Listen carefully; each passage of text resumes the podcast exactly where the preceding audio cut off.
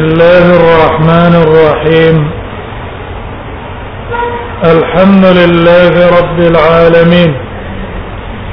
والصلاة والسلام على سيد الأنبياء والمرسلين وعلى آله وأصحابه أجمعين باب في الرجل يرد السلام وهو يبد باب بیان د دې کې سره به سلام واپس کوي دا چې حال کې چې دا تش او دس ماته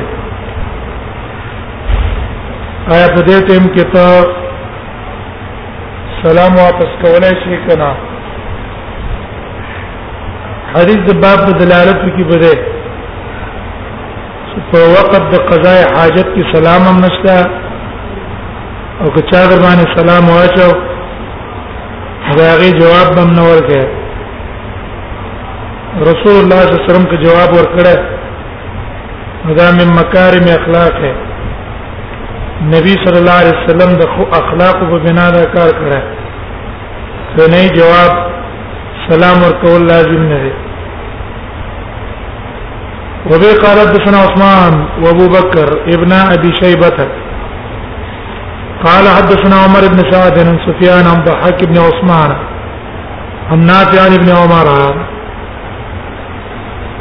عبد الله بن عمر رضی الله عنه روایت ده قال لا يمر رجل على النبي صلى الله عليه وسلم تیر شو سره په نبی صلی الله علیه وسلم باندې سره څوک ده یا دا سره ابو الجهیم ده ابو الجهیم عبد الله ابن الحارث امام شافعي رحم الله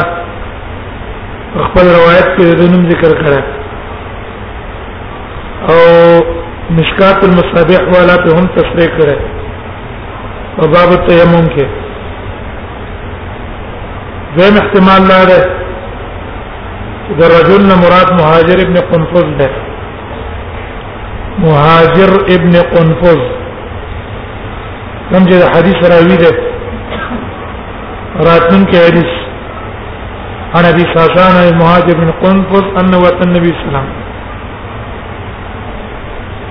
دته ورته شو وهو يقول للنبي صلى الله عليه وسلم تشعر دسماته وسلم علیه نو د سلام واچو کو نبی صلی الله علیه وسلم فلم يرد علی نبی صلی الله علیه وسلم جواب د سلام ورنکو جواب ورنکو نبی صلی الله علیه وسلم جواب ورنکو ولی وجدارا اسم لأن السلام اسم من اسماء الله والسلام د الله د نومونو نه یو نوم دی او نبی صلی الله علیه وسلم د الله ذکر په حالت د بولو کې ذکر کول نه غوښتل بده وګڼل چې رضی الله نوم په حالت د بولو باندې یاد کړ ده فلم يرد کې په احتمال دی یو احتمال لا ده فلم يرد معنا دا ده چې سم دواره جواب د سلام ورنکو بلکې چې دا د سمات نه فارغ شو دا غنه بعد رسول الله صلی الله علیه وسلم جواب لور کړ لکه بعض روایتونو کې شاته روان دي چې رسول الله صلی الله علیه وسلم حتى توزع ثم تزرع اليه دیم احتمال لا ده چې لم يرد په خپل معنا ده چې بالکل نبی صلی الله علیه وسلم جواب د سلام نه دی ورکړی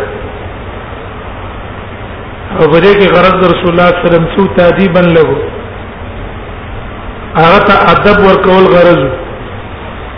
چې څوک او د سماعتي باندې ناشتي هغه باندې سلام اچول نه دی پکار او د دې احتمال چې بالکل جواب لنه ورکړي د دې احتمال تایید روایت ابن ماجه کوي حدیث جابر رضی الله عنه ده ويجري مر رجل على النبي صلى الله عليه وسلم وهو يبول او یو سړی په نبی صلی الله علیه وسلم باندې ورتیر شو او نبی صلی الله علیه وسلم تش او دس ماته فسلم علیه سلام په واچو رسول الله صلی الله علیه وسلم سویل فقال له رسول الله صلی الله علیه وسلم اذا رايتني على مثل هذه الحاله فلا تسلم عليّ وس کله چې ما باندې د حالت باندې کوی د سلام مر باندې ناشه انك ان فعلت ذلك لم ارد عليك کتاب شکارو کو زبل جواب ته سلام نظر کو لیکن په دې روایت ابن ماجه کې سوید ابن سعد ده او سوید ابن سعد کې د علماو کلام ده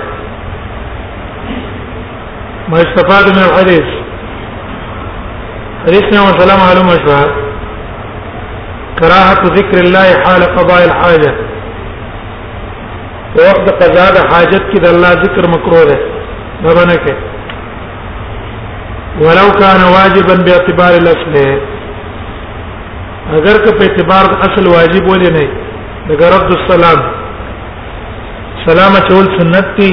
جواب واجب ده لیکن په حالت د او دسماتی کې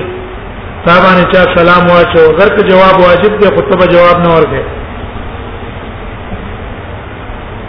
زم ته معلوم شو چې چا باندې ان ال... وعلى ان المصلب وعلى ان المسلم بل تدا معلوم شو وعلى ان المسلم في هذا الحال لا يستحق جوابا دې حالت کې چې څوک سلام واچي مستحق جواب نه ده هم به د اتفاقی مسله ده چې په د سماعت ټیم کې پتا باندې چا سلام واچو جواب بنور کې حکم روایتونو کې چې راځي رسول الله صلی الله علیه وسلم هغه لرسته به جواب ورکړه نو دا من مکارم اخلاقی صلی الله علیه وسلم دا د نبی صلی الله علیه وسلم د مکارم الاخلاق نه دي یره دا سره خپه نه شي کني مستحق جواب غنه ده یو د مخکې روایت ابن ماجه مونږ ویلو چې رسول الله صلی الله علیه وسلم هغه سره منع کو اذا رايتني على مثل هذه الحاله فلا تسلم علي بشارت معنی فما سلام ما شاء دغه ورته صرف رد السلام نه علماء تشمیت العاطسن ده وطن پرنجیو کو ته په دسمات ناس ته نو ته رحمک الله نه او که په خپل پرنجي او کو په زور به الحمدلله نه وای دا باندې وای مؤذن جواب باندې ورکړي دارنګي علما وای چې څنګه حال قضاء الحاجت کې دا امور جایز نه دي دغه څه دا حکم دی په حالت جما کې هم حالت جما کې په حالت د جما کې هم دا کارونه نه کوي او به دا کراهت د اکثر علما په نسبت باندې محمول له په کراهت تنزیهی نه په کراهت تحریمی انا خلاف اولا کارونه دي دلیل په حدیث ته کان یذکر الله علی کل احیانه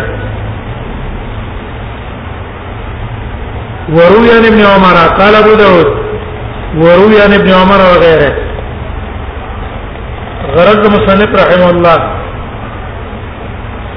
ودي هغه دا ده چې دا حدیث چې کوم ذکر شو دا مختصر ده چې ګنې رسول الله صلی الله علیه وسلم جواب نه ورکړي او تفصیل لري په حدیث د ابن عمر او د نور صحابه کې ده یو غرض دا ده زم غرض دا ده ګوره په دې روایت کې جواب نه دی ورکړی او بل روایت کې دی چې تیمم نه رسته رد کړی دی نو دا محمول له تعدد واقعات او قصو باندې جدا واقعه دا جدا ده به احتمال شو کنه یا دا ده چې رسول الله صلی الله علیه وسلم په حال جواب نه ورکړ رسته ولا ورکړ او تفسیر په حدیث د عبد الله بن عمر کې ده او یا غلط دا ده چې ګور دې روایت کې دي جواب نه ورکړ او روایت ابن عمر کې دي جواب ورکړ دا محمول له تعدد د قصې او د واقع یو له جواب ورکړ نه بل نه ورکړ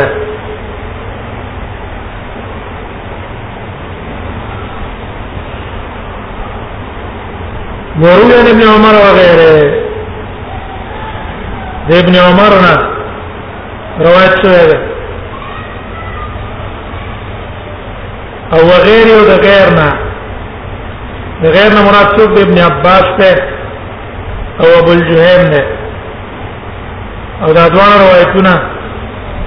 مصنف دلته موقوف راوړي لیکن په باب تیمم کې متصل ذکر کړي باب تیمم کې مصنف رحم الله دا روایتونه متصل کړي دي متصل راوړي وې دې نو روایت څه ده ان النبي صلى الله عليه وسلم تيمم وې نبی صلی الله علیه وسلم بسړي نبی صلی الله علیه وسلم تیمم وو ثم رد على الرجل السلام بیا رسول رسول الله صلی الله علیه وسلم له جواب سلام ورکړه تیمم نه بعد رسول الله صلی الله علیه وسلم تیمم کړه تیمم نه رسته جواب د سلام ورکړه دا اختیارا للافضل د وجه د اختیار د افضل نه نبی سلام په بهتره طریقه عمل کړ بهتره طریقه کنه او د سماعت نه سره فارغ شي مکه تیمم او د دسنا هم جواب د سلام جائز ده بلا طهاره دی او دسا جواب د سلام جائز ده سن روانه ده رسول الله صلی الله علیه وسلم تیمم کړه او تیمم نه رسته جواب د سلام ور کړه دا اختیار للافضل افضل طریقې غوړه کړې او پاره باندې عمل کړه دلیل پر استنه حدیث ته کان رسول الله صلی الله علیه وسلم یذکر الله علی کل احیان نبی صلی الله علیه وسلم په هر حالت باندې الله یادو لیکن ذکر په تور باندې افضل ذکر راوکړه د امام نووي رحم الله د حدیثنا یو بل مسله راستله امام نووي وايي په دې حدیث کې دلیل دی ای دلیل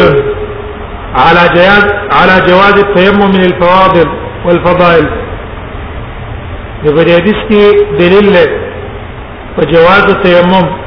للفواضل والفضائل د نوافل د پاره هم دغه سجده د شکر کې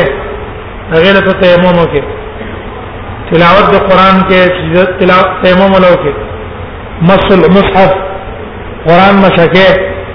وبنه یطول تیمم کې كما يجوز للفرائض او هذا مذهب العلماء كافه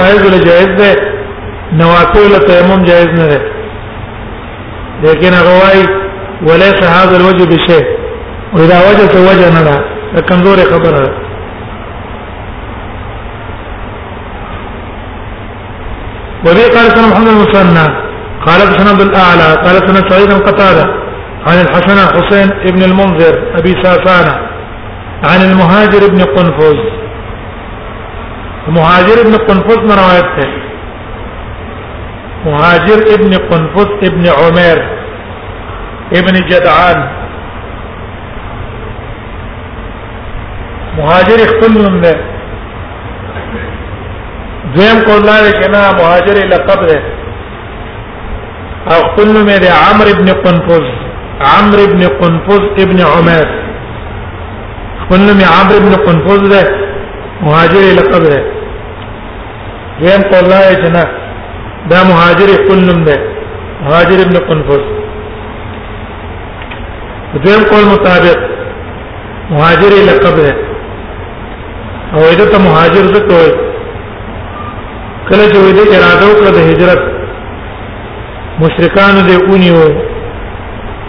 او دغه شخص سزاګانې ورکړه خدای دې ته وتښتید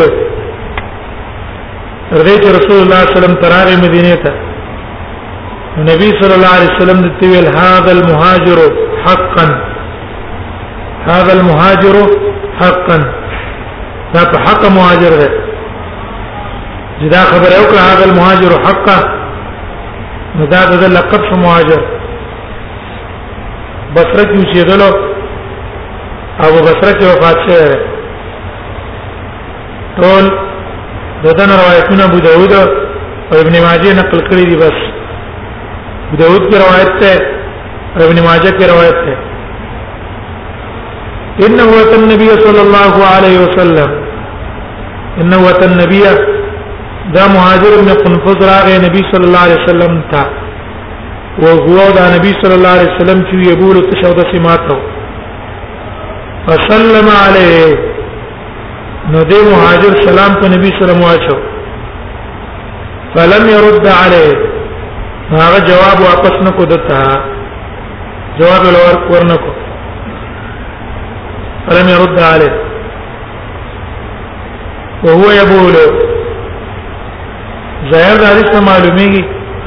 چې د مهاجر په نبی صلی الله علیه وسلم اچولې د حالت د بولو کې رسول الله صلی الله علیه وسلم او دسمات تناس هغه روایت دا نسائی کې ملي شي چې رسول الله صلی الله علیه وسلم په تشهود دسمات تناس او مهاجر ابن قنفذ په سلام اچوله دارنګ دا بل جوهم روایت امام بغوی راوړه بل جوهم روایت امام بیقی راوړه راغی کړي چې رسول الله صلی الله علیه وسلم باندې سلام اچولې په حالت د بول روایت د ابو هريره د ابن ماجه کې چې رسول الله صلی الله علیه وسلم باندې سلام اچولې نو رسول الله صلی الله علیه وسلم په وخت په بول باندې ناس دا څلور وانه روایتونه دلالت کوي په دې چې سلام نبی صلی الله علیه وسلم باندې اچولې په حالت د بول لیکن د دې په عکس ظاهر د روایت د احمد او ابن ماجه او د سنن بیهقي د حدیث ظاهر نه معلومي چې کوم روایت ته د مهاجر ابن قنفذ د ظاهر د روایت د مهاجر ابن قنفذ نه معلومیږي چې د په سلام اچولې په نبی صلی الله علیه وسلم باندې په داسې حال کې چې رسول الله صلی الله علیه وسلم او دس کو او توضا هغه نه معلومیږي چې په حالت او دس کې په سلام اچولې مخکې روایت معلوم شو مخکې روایت کې کې پاک روایت دی همدار روایت د شیخین نه دا بل جهم روایت ته د عبد الله ابن عمر او د عبد الله ابن عباس چې سلام په اچول له پس د قضا د حاجت نه نبی صلی الله علیه وسلم فارغ شوه دی او هغه نه بعد رسته په سلام اچول تیمم ثم رد على رجل السلام هغه نه معلوم شي ظاهر کې دا روایتونه دی یو بل سره متعارض دي بعضو ګيري په حالت د امتیاز بعضو ګيري په حالت د اودس کې بعضو ګيري چې د اودس نه مخکې د امتیاز نه وروسته جواب دې دا ده چې دا روایتونه محمول دي په تعدد واقعاتو محمول له په تعدد د واقعاتو یو ځل په سړي سلام چولې د پالت د امتیازو بل ځل په سلام چولې پالت د اودس کې بل ځل په سلام چولې په مابین دا اودس نه مخکې د قضاء حاجت نه رسو هر یو صحابي هغه واقع ذکر کړی ذکری فلم يرد عليه حتى توضأ جواب ته واپس نه کو تر دې چې او د څه وکړو او ثم اعتذر الیه به عذر مو ته پیش کو ما ته دا جواب ولې در واپس نه کو نبی سلام دا عذر به صحیح ته ولې پیش کو سره دینا چې په دې حالت کې جواب ورکول شته نه جواب ورکول شته او بیا رسول الله صلی الله علیه وسلم جواب ورکړ عذر هم پیش کړ علماء عطفا من وال الرجل دغه غرض رسول الله صلی الله علیه وسلم شفقت پر صحابي او تطيبا لقلبه او دیم غرض تطيب دا غرض خپنشي داغه د خزان لحاظ ساتله خفغان او ترانش نو دیو جنې رسول الله صلی الله علیه وسلم ته دعوت پیش کړی دی په تاخير درت کې کني جواب پر قستل دا عذر مگر ته ضرورت نه لري ینه ټول جواب ورنه کې هغه ته عذر کې دغه دې شریرانه کړای چې په دې کې ولې سلام شو فقال النبي صلى الله عليه وسلم اني كرهت ان اذكر الله تعالى ذكرا ما بتو غنل دا یاد کم الله تعالی تعالی ذکر صفت الله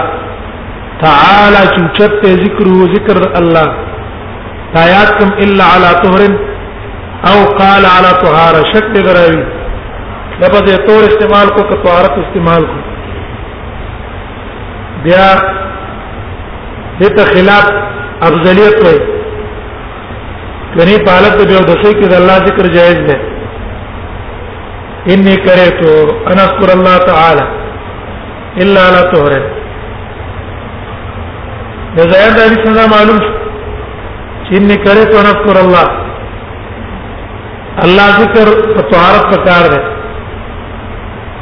علماء طهارت الله دو قسمه ده یو طهارت مطلقه ده او یو طهارت مقیده مخصوصه بالاوقات ده طهارت ذکر مطلقه طهارت نه یو ده ذکر مطلقه ذکر په دوه قسمه ده طهارت نه ذکر ذکر په دوه قسمه ده یو ده ذکر مطلقه چې هغه په یو وخت پورې متعین نه ده دویم هغه ذکر دی چې مخصوصي په اوقات پورې مخصوصي بل اوقات مثلا بیت الخلا ته نوځي کومه دعا به کوي بیت الخلا نه راوځي کومه دعا به کوي جمعه ته نوځي جمعه نه راوتلو د هوا را لتلو د سپوږمۍ لیدلو خرم بار واله چرک اذان کو باران شروع شو وغیر ذالک د اوقات تی کنه هغه معین اذکار په اوقات معینو پورې یو دا قسم دی دیم قسم اذکار دا دي چې وخت له تعین نه عام اوقات کې ته قران تلاوت کې الله ذکر کې دعاګانې کې علماء کوم اوقات چې هغه مخصوص دی په یو اوقات معینه پورې دا غیر لپاره هغه په غیر د ذکر نه دا په غیر د طهارت هم کولای شي غیر د طهارت نه لکه رسول الله صلی الله علیه وسلم وی د بیت الخنا شروعت نو صدر القرآن القرآن کدوای کوله ګور معلوم شو ته د څه نه څه دعا کړې کنه او جون کې هغه دعا ده معین وخت پورې نو په دغه غفران کړه کې نور اوقات معینه او دعاګانې شي زم قسم هغه ذکر دی چې داګه لپاره وخت متعین نه دی نو هغه ذکر په طهارت باندې بهتر دی زره او د څه کی او په اوس باندې ذکر وکړي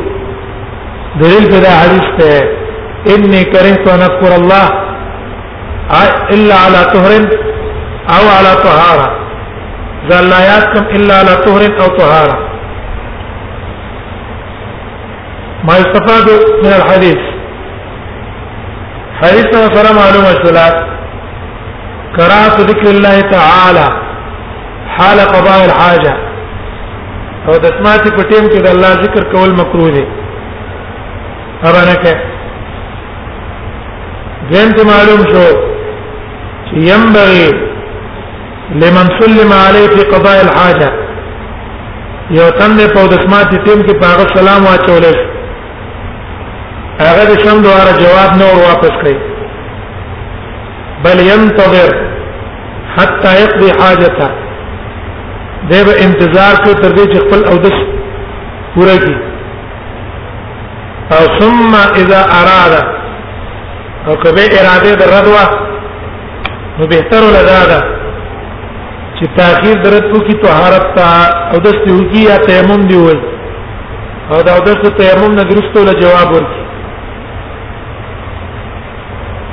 او که نه ورکړي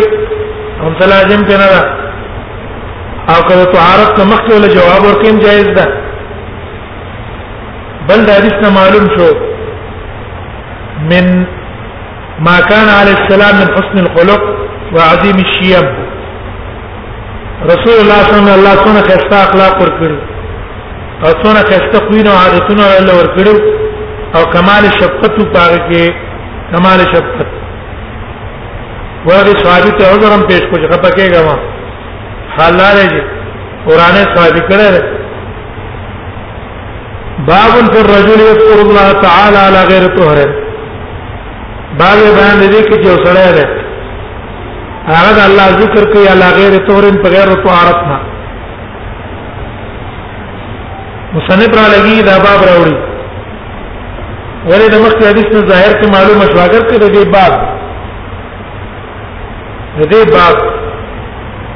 مناسبت د څه سره ده د دې استنجا سره سنشتہ د دې حدیث د استنجا د آداب سره تعلق نشته خو چون کې د مخکې حدیث نه وهم پیدا کېدو یعنی په غیر طهارت نه په داسې حالت کې چې سره په او دس نه په طهارت نه او په پاکۍ کې نه دا هغه لپاره به د الله طهارت جایز نه او د الله طهارت بول مکروه د الله ذکر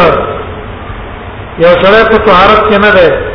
دا هغه لپاره به ذکر الله په حالت حدث کې او په داسې حالت کې چې غیر طاهر دا الله ذکر به ولا جائز نه مکروه وي دا وهم پیدا کېدو نو مصنف رحم الله دا باب کې قصه د پاره د ازاله دا وهم چې دا حدیث محمول له افضلیت یا سره الله ذکر کی په طهارت باندې دا افضل نه کني غیر د طهارت نم د الله ذکر جائز ده ولی رسول الله صلی الله علیه وسلم وی په هر حالت د الله ذکر کو هر حالت کې حالت ته حدث هم نه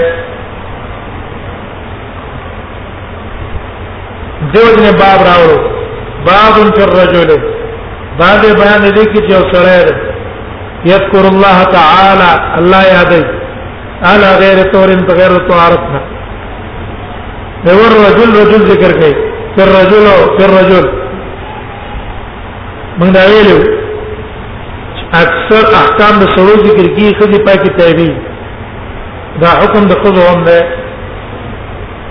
وبي قال حدثنا محمد بن العلا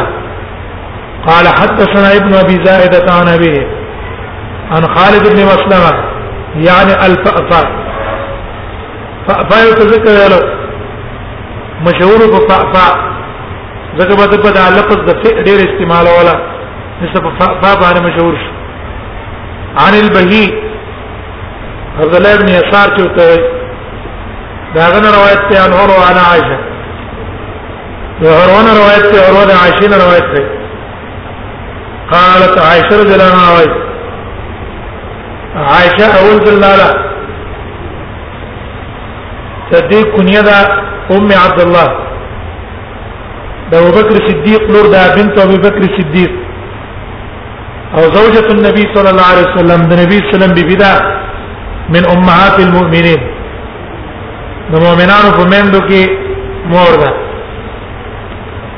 دا هغه دی چې رسول الله صلی الله علیه وسلم پر کوټیوالي کې باکره کړې و نور ټول بیبيان د رسول الله صلی الله علیه وسلم صحیبه عائشه کونډه و کله چې خدیجه مړه شو رسول الله صلی الله علیه وسلم تر عثمان بن مزون خبر رااله ویل د الله نبی زه تعالی خزه کومه په څوک را لکه وي یو صیبه ده او یو باکره ده وي صیبه څوک ده وي سودا وي باکره څوک ده وي عائشه د ابوبکر لور او چې عائشه د شپږ کاله رسول الله صلی الله علیه وسلم په دعا وبسه ولې غلا سودا په سم دواره وکړه واده کړه عائشه په چې وراره نو د ام رمان ته ول خبر او کړه ام رمان ول دا خوري راخره ورګ ابو بکر راش ابو بکر راغه ابو بکر ته چې دا خوري راخه خبره ده او عائشه خو رسول الله صلی الله علیه وسلم ده هغه هغه ورېره کې ځکه چې رسول الله ورور ورور نه ته ویل ایته چې ټیک ده رسول الله صلی الله علیه وسلم سره نکاح جائز ده نو بعد روایت کې دا دی تاریخي کتابونو کې چې د ابو بکر باندې یو مشرک جرګه کړو د پاره د زوی عائشه ابو بکر یې وګړي هغه سره ما خبره کړې دا غنه لا خبره را خلاصومه ابو بکر په څیر ورغی ما څه خبره وکړه نشته دا غو پلار ته ویل چې دا خو نه کوم زکه کما دا جنې اوکړه خپل ځوی از ما دا ځوی ځان ته اسلام ته واره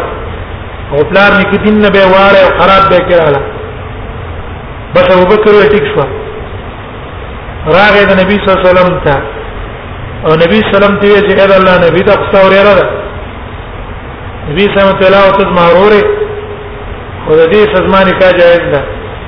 ابو بکر صدیق قلا عائشه ورته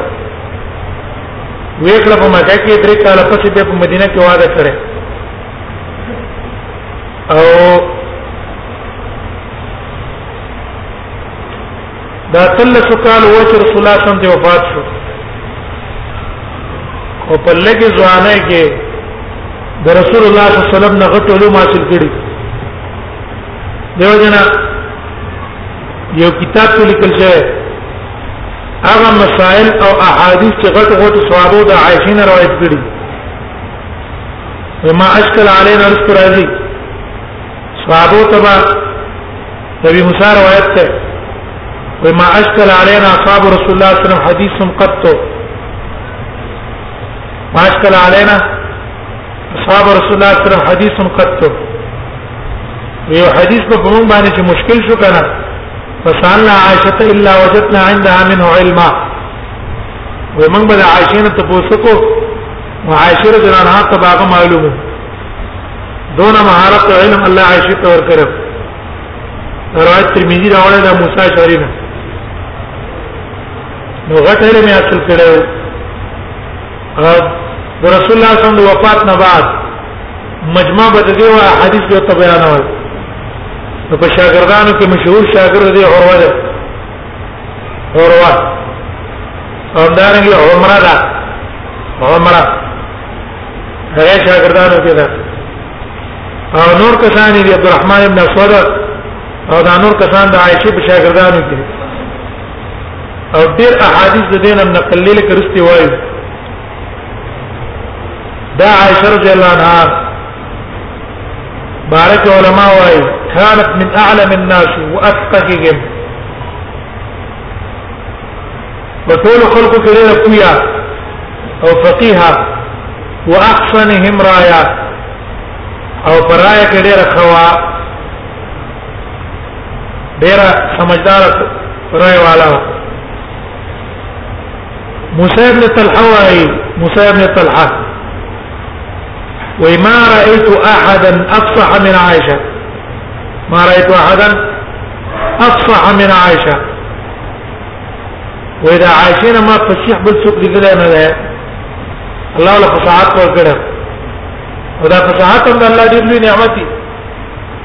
یو انسان له الله فصاحت ورکړي نو ډېر غټه خبره هغه په دوه درې جملو په دوه درې ټکو کې ادا کی او که تاسو څه فصاحت نه ولا خبره به دونه غاټه او دغه ته جوړه کی دا یو لوی کمالي فصاحت وې د دې پر ما فصیح څوک نه ولې ولې روایت امام ترمذی نقل کړه او دا موسی شریف قول کومه بیان کو ابن حجر رحم الله په الاصابه کې د مسروق نه قول نقل کړی د مسروق نه هغه رايت مشيخه اصحاب رسول الله صلى الله عليه وسلم الاكابر رايت مشيخه اصحاب رسول الله صلى الله عليه وسلم الاكابر وای ما د نبی صلی الله علیه وسلم په صحابه کې مشران مشران صحابه اوریدل یسالون عن الفرائض عائشہ به احکام او د مسائل په اړه کې پوښتنه کول څنګه یو ناشنا بصیرت او فهم الله ورکړي وروي وروي شاګردن دې قران دې هغه وای ما رايت احدا اعلم بفقه ما رايت احدا اعلم بفقه ولا بطب ولا بشعر من عائشه وما تدشي تن معلوم چې هغه په فقه په احکام د شرع پیدل یا په طب باندې پیدل علاج او یا په شعر باندې پیدو په شان ته د عائشه عائشه الله فقات مور کړو شعرونو بویدلا او په علاج معالجین بویدلا دوجنا ورو سیوره عائشه زتا تریانه و ټیک د په نسبونو څخه پويږي ټول نسبونه ته معلوم دي چې پلان کې پلان کې نسب دی پلان کې پلان کې نسب دی دا خبره چې بعیده نه ده ولې پلار دې په نسبونو خو پیدو دا خبره به د پلار نه زده کړي د علم احکام او حدیث کویږي دا څه تعجب خبره نه ده ځکه د رسول الله خدای رسول الله صلی الله علیه وسلم په دې پیدو دا نه دي زده کړه او دا علم طب ته د کوم جنې زده کو علاج معالجه دا پلان کې دوی پلان کې لکار کوي پلان کې دوی پلان کې مرز لکار کوي پلان کې دوی پلان کې مرز لا کار کوي دا کار کوم ځای معلوم کړو دا تعجب خبره تاسو ځکه پلان دم طبيب نو رسول الله طبيب نو واجر جرانو ته ویلو ودا ما دین ذکر رسول الله بیمارو خلق براتله رسول الله صلی الله علیه وسلم د پاره ته پوښلا هر یو تم د خپل تجربې دوی ویلا چیرې کېږي چې دا پلان کې بیماری دا پلان کې دوی لور کوي سمای ذکر پلانکی بیماری دا پلانکی دوی لور کوي هغه نه ما ذکر په دې لکټم کې ما ټول څه دا مې ذکر ور دې سره عائشہ رضی الله عنها ډیره سخی خلوا سخا پکې و سخا یو واقعا ابن سعد په خپل طبقات کې راوړل د دې د سخا دې انذر ام الدره هغه وایي اتيت عائشه ب 100000 وما عاشر جنا هات یو لاک روپے راوړ یو لاک دا کوم ځای د بیت المال نه دي خرچه راوته و بیت المال نه به دې ته خرچه ملاوي ده دا ولراله وی ففرقها وهي يومئذ صائمه وغیر تقسیمه که په دا ورځ باندې دا خپل روزه دار ټول چې تقسیم کړي هیڅ پرې نه خوست وی ما ته وګوره تام روزه نیولې موږ روزه نیولې لکه وې چې پرې چې ما ما قالم به غوخه راوړل ورته وی چې تا ما ته ولې مخکې نه ټول یو لاک روپې خرج کړو ځان له هیڅ نه پرې نه کوس ډېر سخا والا و ولې د رسول الله بیبي وا ولې په کې سخا نه او دا د د نبوت په څلورم یا پنځم کال پیدا شوه نبی سم په نبوت چې نبی شوی د نبی سم د نبوت څلورم یا پنځم کالو چې عائشه پیدا شوی و او كانت احب النساء الى رسول الله او په ټول بي بيان رسول الله ته سخت محبوبه و راته ګرانه ټول روایتونه چې دینه نقل دي د کتابونو د حدیث کې 2200 روایتونه دې نقل نه دوزرا دوسه ولس روایتونه دین نه نقل لري متفقون علی روایتونه متفقون علی دا یو څل څلور او یا روایتونه متفقون علی دي چې بخاری او مسلم دواړه راوړي او انفرد البخاری امام بخاری په انفراد کړی دی نو څلور پنځوس دی او انفرد علی مسلم امام مسلم چې انفراد کړی نو آتش پې دی آتش پې دا وفات شوی دا ليله الثلاثاء هو لسم د رمضان ليله الثلاثاء د نه شپه د نه شپه او ولسم د رمضانو په اته پنځوستم کال د هجرت او د بقي کې د پنځويت د نبی سنتوري بي بیان په یوځای کې پرتی جنت البقي ته ورشي د یوځای کې قبرونه دي دا عشر د الله وايي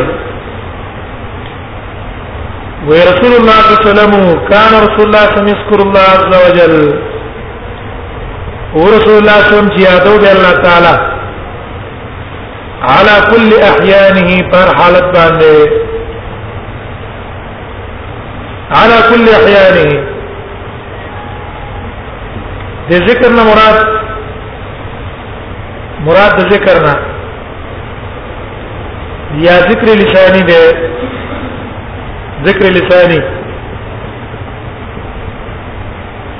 نو بیا ګوره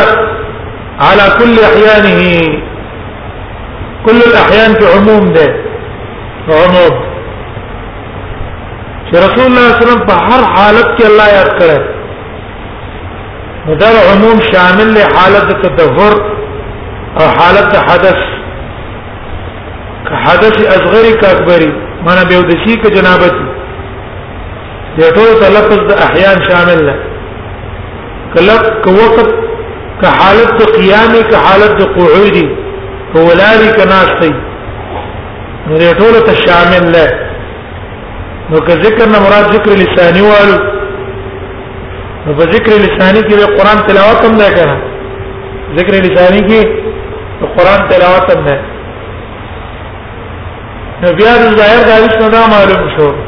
چې رسول الله صلی الله علیه وسلم د الله ذکر او د قران تلاوت په هر حالت کړه په حالت د ناشته کې په حالت د ولاړه کې په حالت د بیا د سې کې په حالت د جنابت کې او په حالت د طهارت کې نو بیا با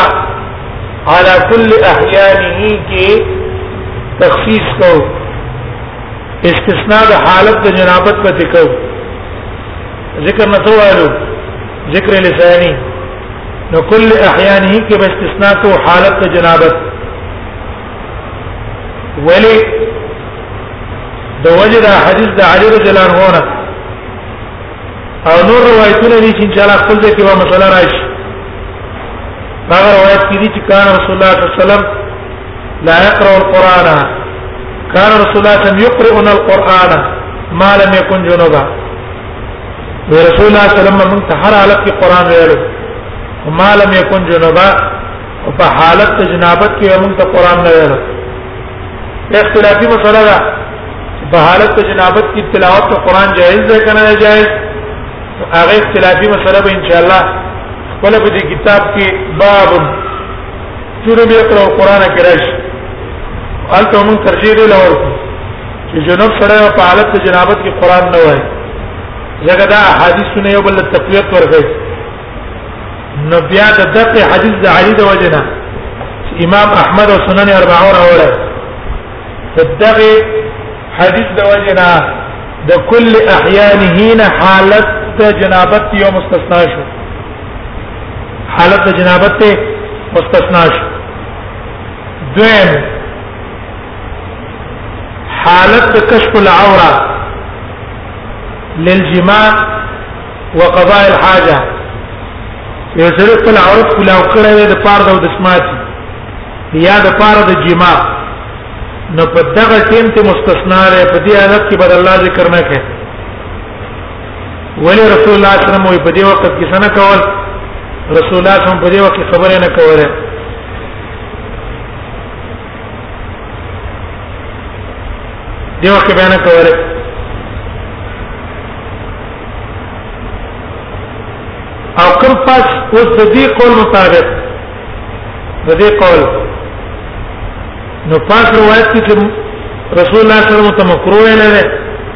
او په دې حدیث کې د رسول الله صلی الله علیه وسلم ذکر راغلی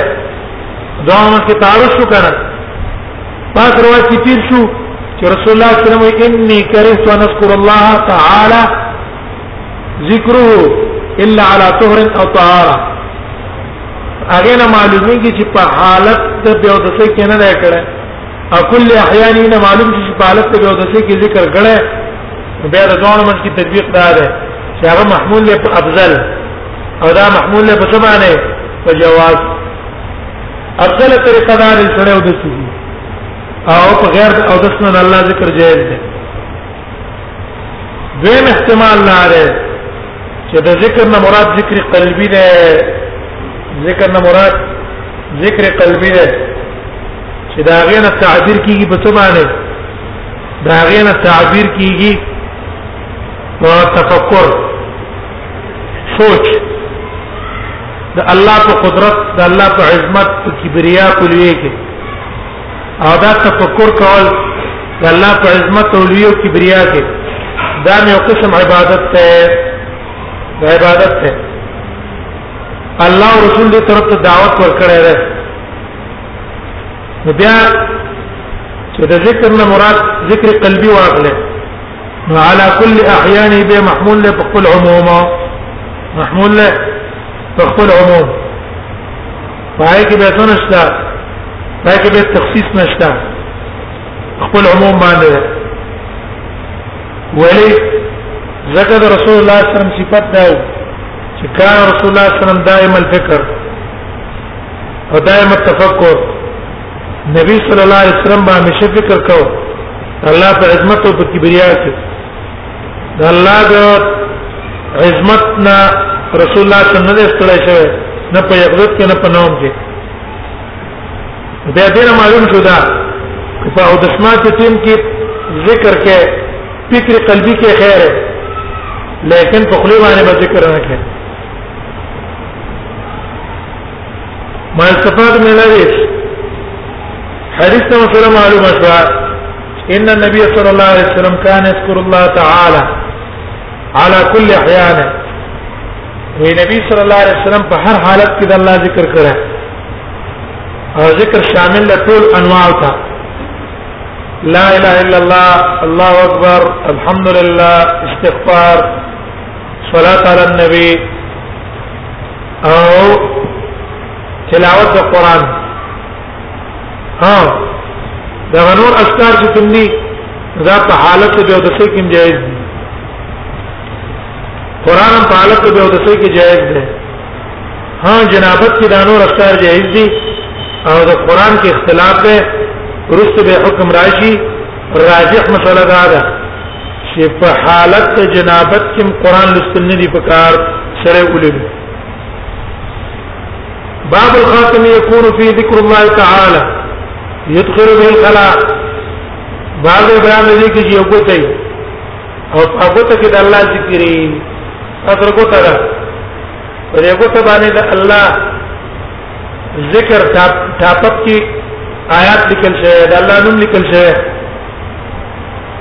آیا دا ګوتا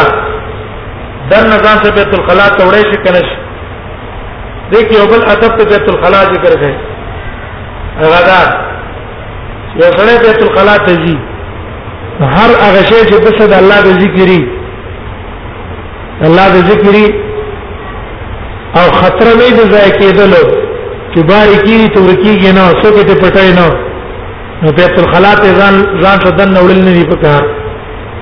بلکې بار خپل پکار دی دلیل په دغه حدیث ذکر کړي وی رسول الله صلی الله علیه وسلم چې بیت الخلا ته تلو نو ګوته به بار کې خوستا چې په ګوته کې د الله ذکر ولې پای کې نقش محمد رسول الله کړه محمد رسول لفظ الله دا غیر احترام او تعظیم د وجه مې ګوته بار کې خوستا دا عادت ذکر کړي ها که خطر و د ضیا خطر و د ضیا یا د نهریږي که تال تکي خو د نهریږي یا د نسوک پټای نو بیا هغه ټیم کې ضرورت ده ځان ځان ته د نوړې شي خو کار کې به نه بلکې په پټ کې به کېره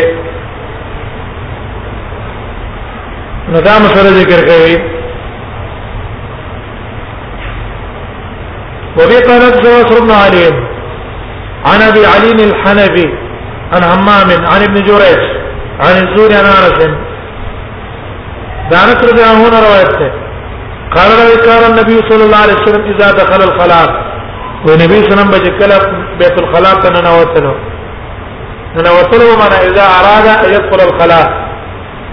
اراده وکړه چې بیت الخلا ته نه نوځي وای دا وای چې بیت الخلا ته نه نه وتلې نو به د ګوتې کوڅو معنا څه شو بیت الخلا کې وبنه څه کوته نه دي کنه بار دي دا د خلا خلا معنا اذا اراد ان يدخل الخلا کله به چې اراده وکړه چې بیت الخلا ته نه نوځي وضع خاتمه نو کې به خپل خاتمه وګ تخپلات ګوتو کې خپل بار نبی صلی الله علیه وسلم کتب بار کې قصلا صيانه لاسم الله واسم رسوله صيانه لاسم الله واسم رسوله د وجه د ساتلو د الله د نوم او د پیغمبر نوم د محل قاذورات سره ځکه د رسول الله صلی الله علیه وسلم په کوته کې کم نقش محمد رسول الله نقش پیو نو د الله د نوم او د رسول د نوم د احترام او د عزت د وجنه به رسول الله صلی الله علیه وسلم دا کو تبار کې قصلات غیر احترام او د عزت د وجنه ما استفاد من الحديث حديث ته وسره معلومه ده چې يستحب لمن يريد التبرز یو تن اراده ده د سماعت هغه له دا پکار راځي چې ځان نه سکی ایان حنی عنه کل ما علی معظم من اسم الله هر هغه شی چې په باندې د الله نومي یا د نبی نومي هغه شی ځان نه لري دا لري کول پکار او په دې باندې اتفاقی مسله ده دا د مالکیانو مذهب هم دی د احنافو مذهب هم دی د شوافیو مذهب هم دی د حنابلو مذهب هم دی او که چا وینیستو نو مخالفت یو کو نو دا مخالفت مکروه ده خلاف اولا کار یو کو لیکن علما وايي چې وردا په هغه ټیم باندې محمول لای چې کله ضرورت نه ضرورت نشته ها که ضرورت څنګه هغه دا چې تیریږي کما دا بار کې قصلا بار مې کې قصلا دارانه څوک پټای یارانه پاتې کیږي ورکیږي رانه نو بیا په دغه ټیم کې د دې لپاره د نوړل جایز دي ځکه ضرورت تبع المحظورات لیکن دا اختلاف چې علماء کړه چې د نوړل مکروه تنزیهی دي او بار قستل اولادي دا ګوره په غیر د قران نه تاسو پانی دي یا بل شعر او پای کې د الله نوم او د رسول نوم لیکل دی نو بیت الخلا ته وړلې خلاف اولادي مکروه تنزیری د قرآنی بشرا د قرآن وړل بیت الخلا ته دن حرام دي فرق باندې وځي دی یا بتا سره ذکر الله ولا شی قرآن یا به قرآن نه نور شي نه نور شي نه خلاف اولادي او هر چې قرآن نه د قرآن دن وړل حرام دي جایز نه دي کټول ټول قران دې سره او کله قران چې شي دې سره او هغه ته ځان سره وړي نو هغه ته نه بیت الخلا ته جایز نه دي ها مگر ته صورت ته څه کی ضرورت کې هغه دا خیف علی الضیاء یریږي څوک بیان پټ کی ویا به دې پټ به کی یا یو ځای کې پټ محفوظ کړل شي ورسته اوس نشي بیسک ته دنه بوزا ځان چې دنه به تو خلا ته ویسا هو حتی الوسه به پټه پجب کې به واشه پجب کې چې کار کار نه نو پای کې به دنه واشه چې بیت الخلا ټیم کې نظر ناراض دا به ویس یعنی احترام بداغه کې قال ابو داود هذا حديث منكر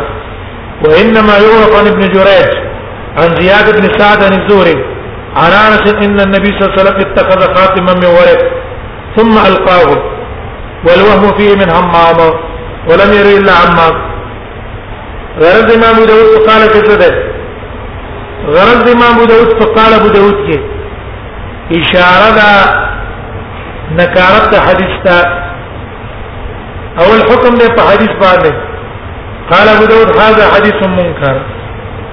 ودا حديث منكر ده او بیا دا غین رستو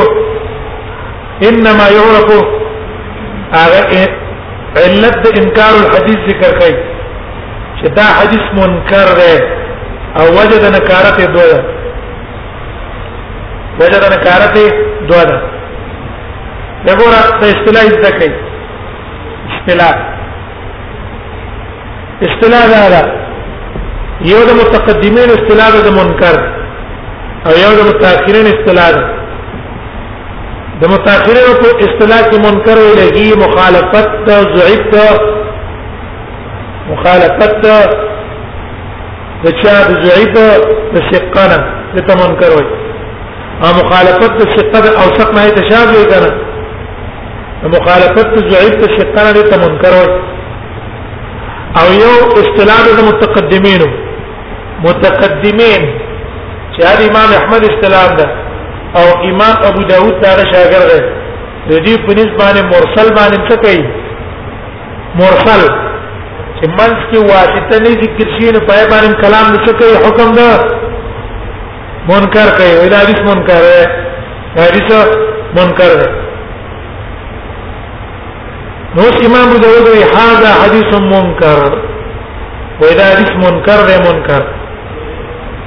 وجه کدا انما يعرف عن ابن جريج عن زياد بن سعد بن زوري عن انس حاصل د نکارت اغدا ده امام ابو داود وايي چې دا حدیث منکر دی او دا نکارت د پاره دوه وجې دي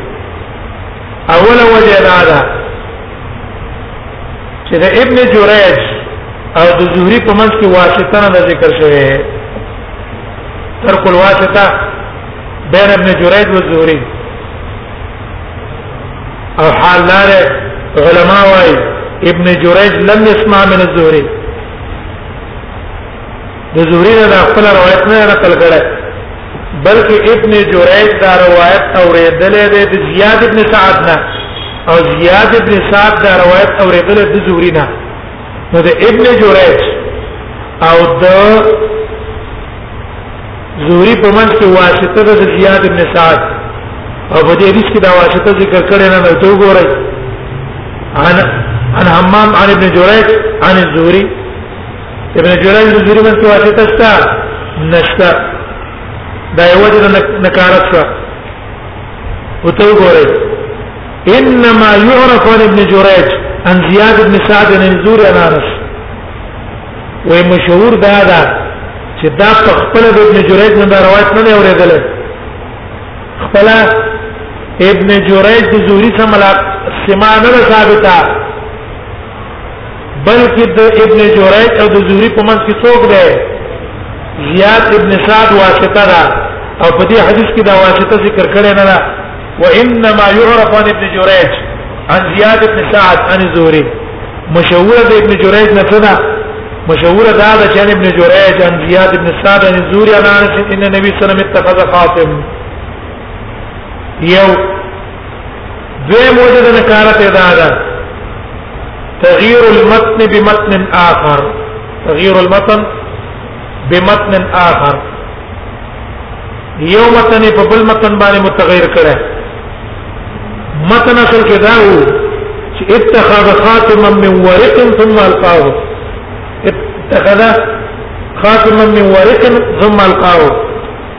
نبی سم یې کوته د سپینو زرو جوړ کړه هغه ورغوله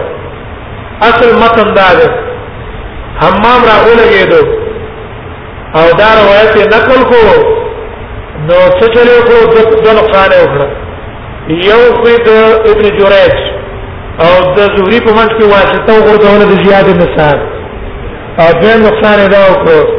چې اتخذ خاتم من ورق ثم القاه فزي باندې دا الفاظ نقل کړو چې کان رسول الله صلی الله علیه وسلم اذا دخل الخلاء وضع خاتمه دیو متن متن بزیت راوړو بل متن راوړو حاصل نه کارت باندې ورته دی اما څه نقصان او کدوا یو د ابن جریج او د زوری په منځ کې واسطه وا ابن جريج د زوري په منځ کې واسطه وا زیاد ابن سعد دا واسطه نه ذکر کړي د نقصان ادا کړي چې مشهور روایت هغه دا ده مشهور روایت متن چې رسول الله صلی الله علیه وسلم اتخذ خاتما من ورق ثم القاه او دا حمام راولګېدو ایست هغه متن په ځای باندې دا متن راوړو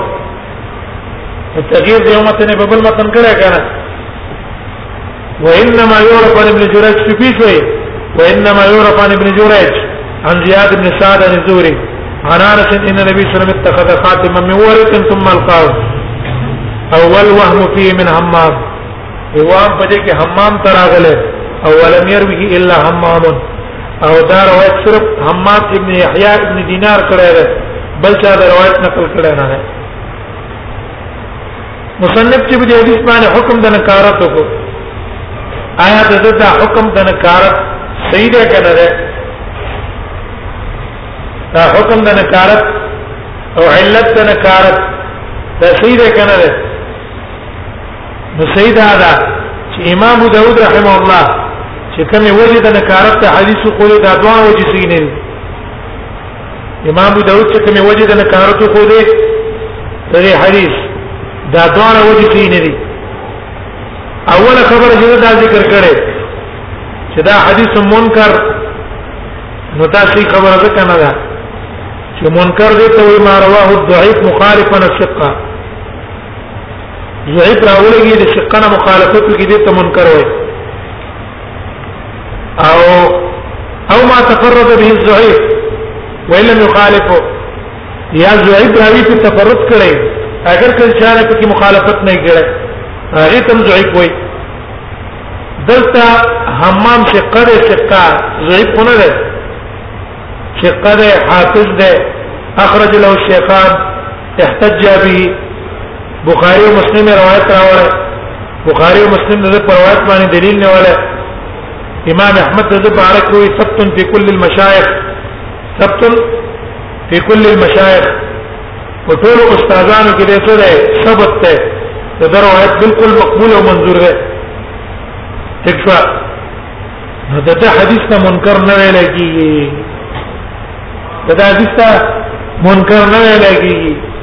منکر خو هغه چاته وي چې ضعیف په تفرد کې یا مخالفت ته شقو کې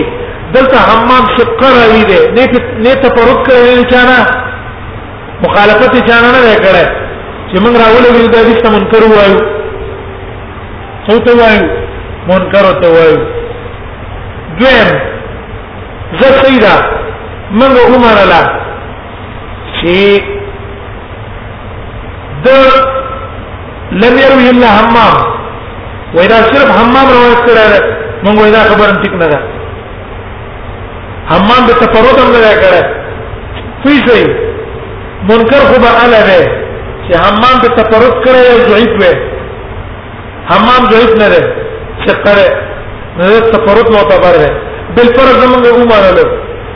چې د تفرد دا سبب د زور کو کړو حمام د تفرد نه لګړه نو امام ابو داود چې وای ولم يروي الا حمام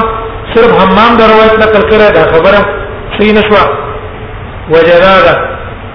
چې دا روایت يحيى ابن المتوكل البصري يحيى يحيى ابن المتوكل البصري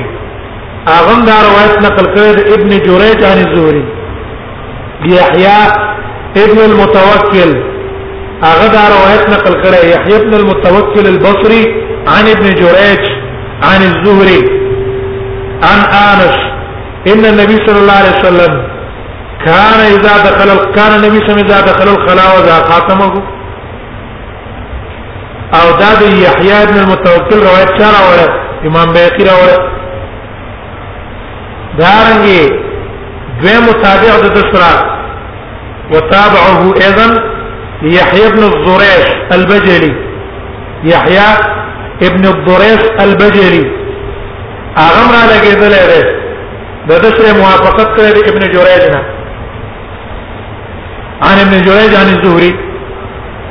او دا هغه روایت امام دار قطنی کتاب العلل کې ذکر کړه کتاب العلل کې نو څنګه موږ دې څه وایو دا حدیث منکر وایو او ته لمر ویلا هم او ما خبره ټیک نشوي منکر نه دی ځکه چې قره لمر ویلا هم هم شي نه دی بلکې د سچا موافقت کړي دې کسانو کړي دیو امام ترمذی امام ترمذی هغه دی حدیث ته صحیح ویل دی صحیح ته ویل پاتې شو دې موجب نکارت ویسه ته اول وجد نکارت چې د زیاد ابن سعد چې راوي واستر ذکر کړي او حمان ته تفرد کړي دا خبره ټیک نه ده بلکې دا واسطه د غطوانو کسانو نه ذکر کړي بیا خبره چې تا ذکر کړي چې دا د څه کړي ده تغییر د یو متن په بل متن باندې کړي دا خبرم کمزورې ده وجدادا وجدادا چې دا ځوان حدیثونه جدا دي ځوان حدیثونه څه دي جدا دي اولنې حدیث جدا دی سندن او متنن او دا به مدي چې اتخذ خاتما من ورث ثم القاه دا جدا دی سندن متنن ولی وجلاله اول سند ابن ابن جريج نقل کړی د زهري نه بلا واسطه طبعا کې حکمت کې واسطه نشته غیر نقل کړي بلا واسطه او دیم حدیث ته نقل کړي اتخذ خاتم من ورق ثم القاه بالواسطه واسطه زیاد ابن سعد عرب من کی واسطه ده نجدوانا سندونم جدا شو او د دوه روایتونو متنونم جدا شو نو مصنف چې کومه دعوا وکړه چې را مشهور روایت هغه دا دی چې اتخذ خاتم من ورق ثم القاه دا او دا حمام ذهن حمام ذهن دا منتقل شو د چانه ویره حمام ذهن منتقل شو د دې متن نه او را اولګېدلو د هغه په ځای باندې دا ویل چې کان نبی صلی الله علیه وسلم دخل الخلا وضع خاتمه وی انت منتقل شو دا خبره ټیک نه ده دا څنګه ده دا ټیک نه ده وجدارا هر جدا جدا ده او دا خبره دی وجنه ټیک نه ده چې تغییر انتقال د یو متن نه بل متن چې سره کوي کنه دا د وجه د غفلت شدیده نه کوي سمجھ نه کوي انتقال د یو متن نه متن اخر ته چې سره کوي دا د وجه د غفلت شدیده نه کوي او حمام خو مخکې موږ ویل چې شقه د ثبت ته ثبت په کل المشایخ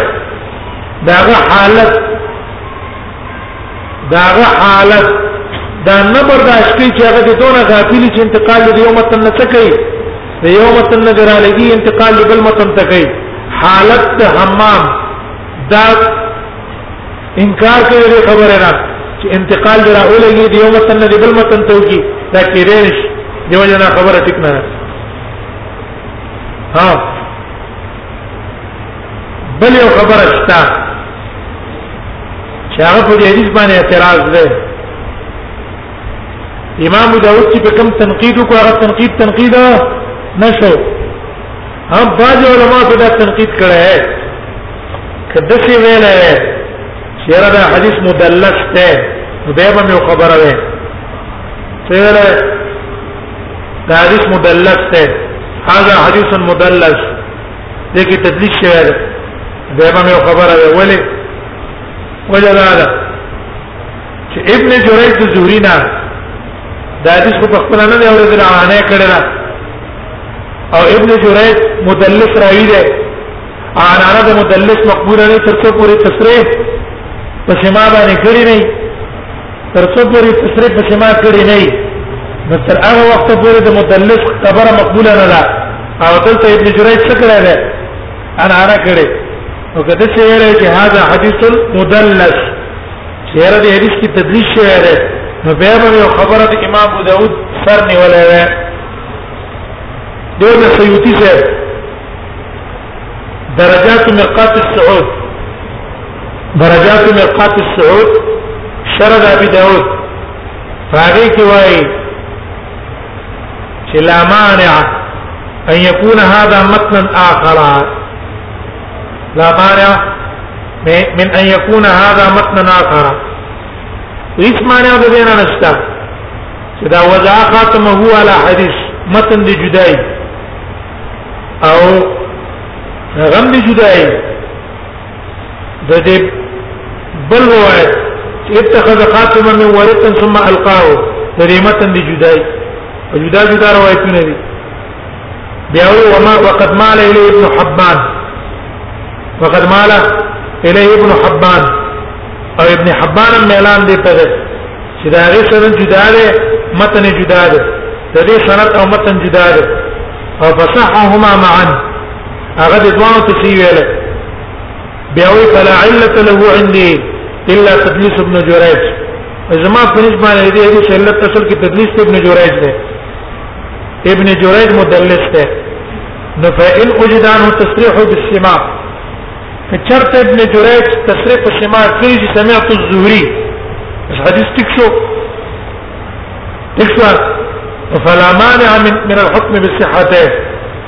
معنی نشته د حکم نه دی په صحت هم منګ وایو منګ وایو چې ټیک ده حدیث مدلس ته خبر رااله او حافظ ابن حجر په تهذیب او تهذیب کې وایي حافظ ابن حجر په تهذیب او تهذیب کې د قریش ابن انس نقل نقل کړه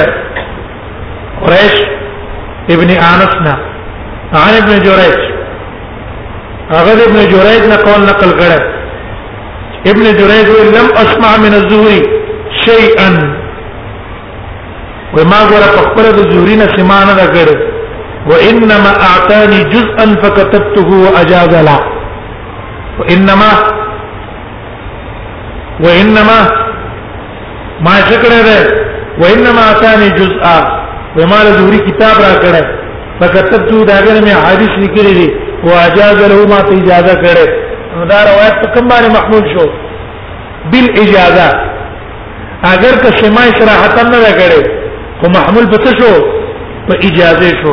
نو دې اجازه د روایت هغه تدلیس خبرم ته ختم شوا نو دیو جن ادب ته ثابت شو چې سړی بیت الخلا ته نوځي د هر هغه شی چې په باندې الله ذکرې هغه باري غسل بکار دي ثم القاه به دې رښتو کو اعلان دي کوم څه په امام ابو داود اعتراض د نکارت سینه شو دوی اعتراض وکړ دوی چې د نکارت کو دې مون جواب وکړ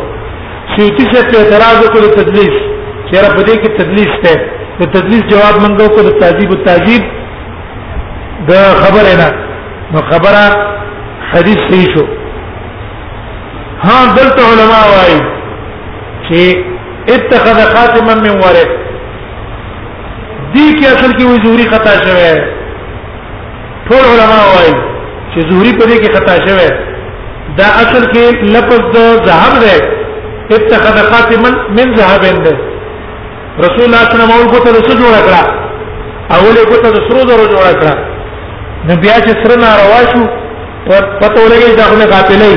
نو رسول الله صلی الله علیه وسلم بیا وګرځوله او ځان له ګوتو سپینو زرو جوړ کړه نو زهري دا لګېدل دی په دې کې خطا شوی دی او دا هغه تعبیر په څه باندې کړه د ذهب نه په فضا باندې جوړ کړه ولم يروي الا حمام وې صرف حمام دا روایت کړه لیکن دا خبره من نو کوي امام ابو داود دا خبره صحیح نه ده ځکه حمام په دې تفرد نه کړه دسرا يحيى ابن المتوكل البصري همدارنګ البجلی هغه څه څه کړی دی متابعت کړی دی یو به کړه وړه د بل روایت امام دار قطنی راوړی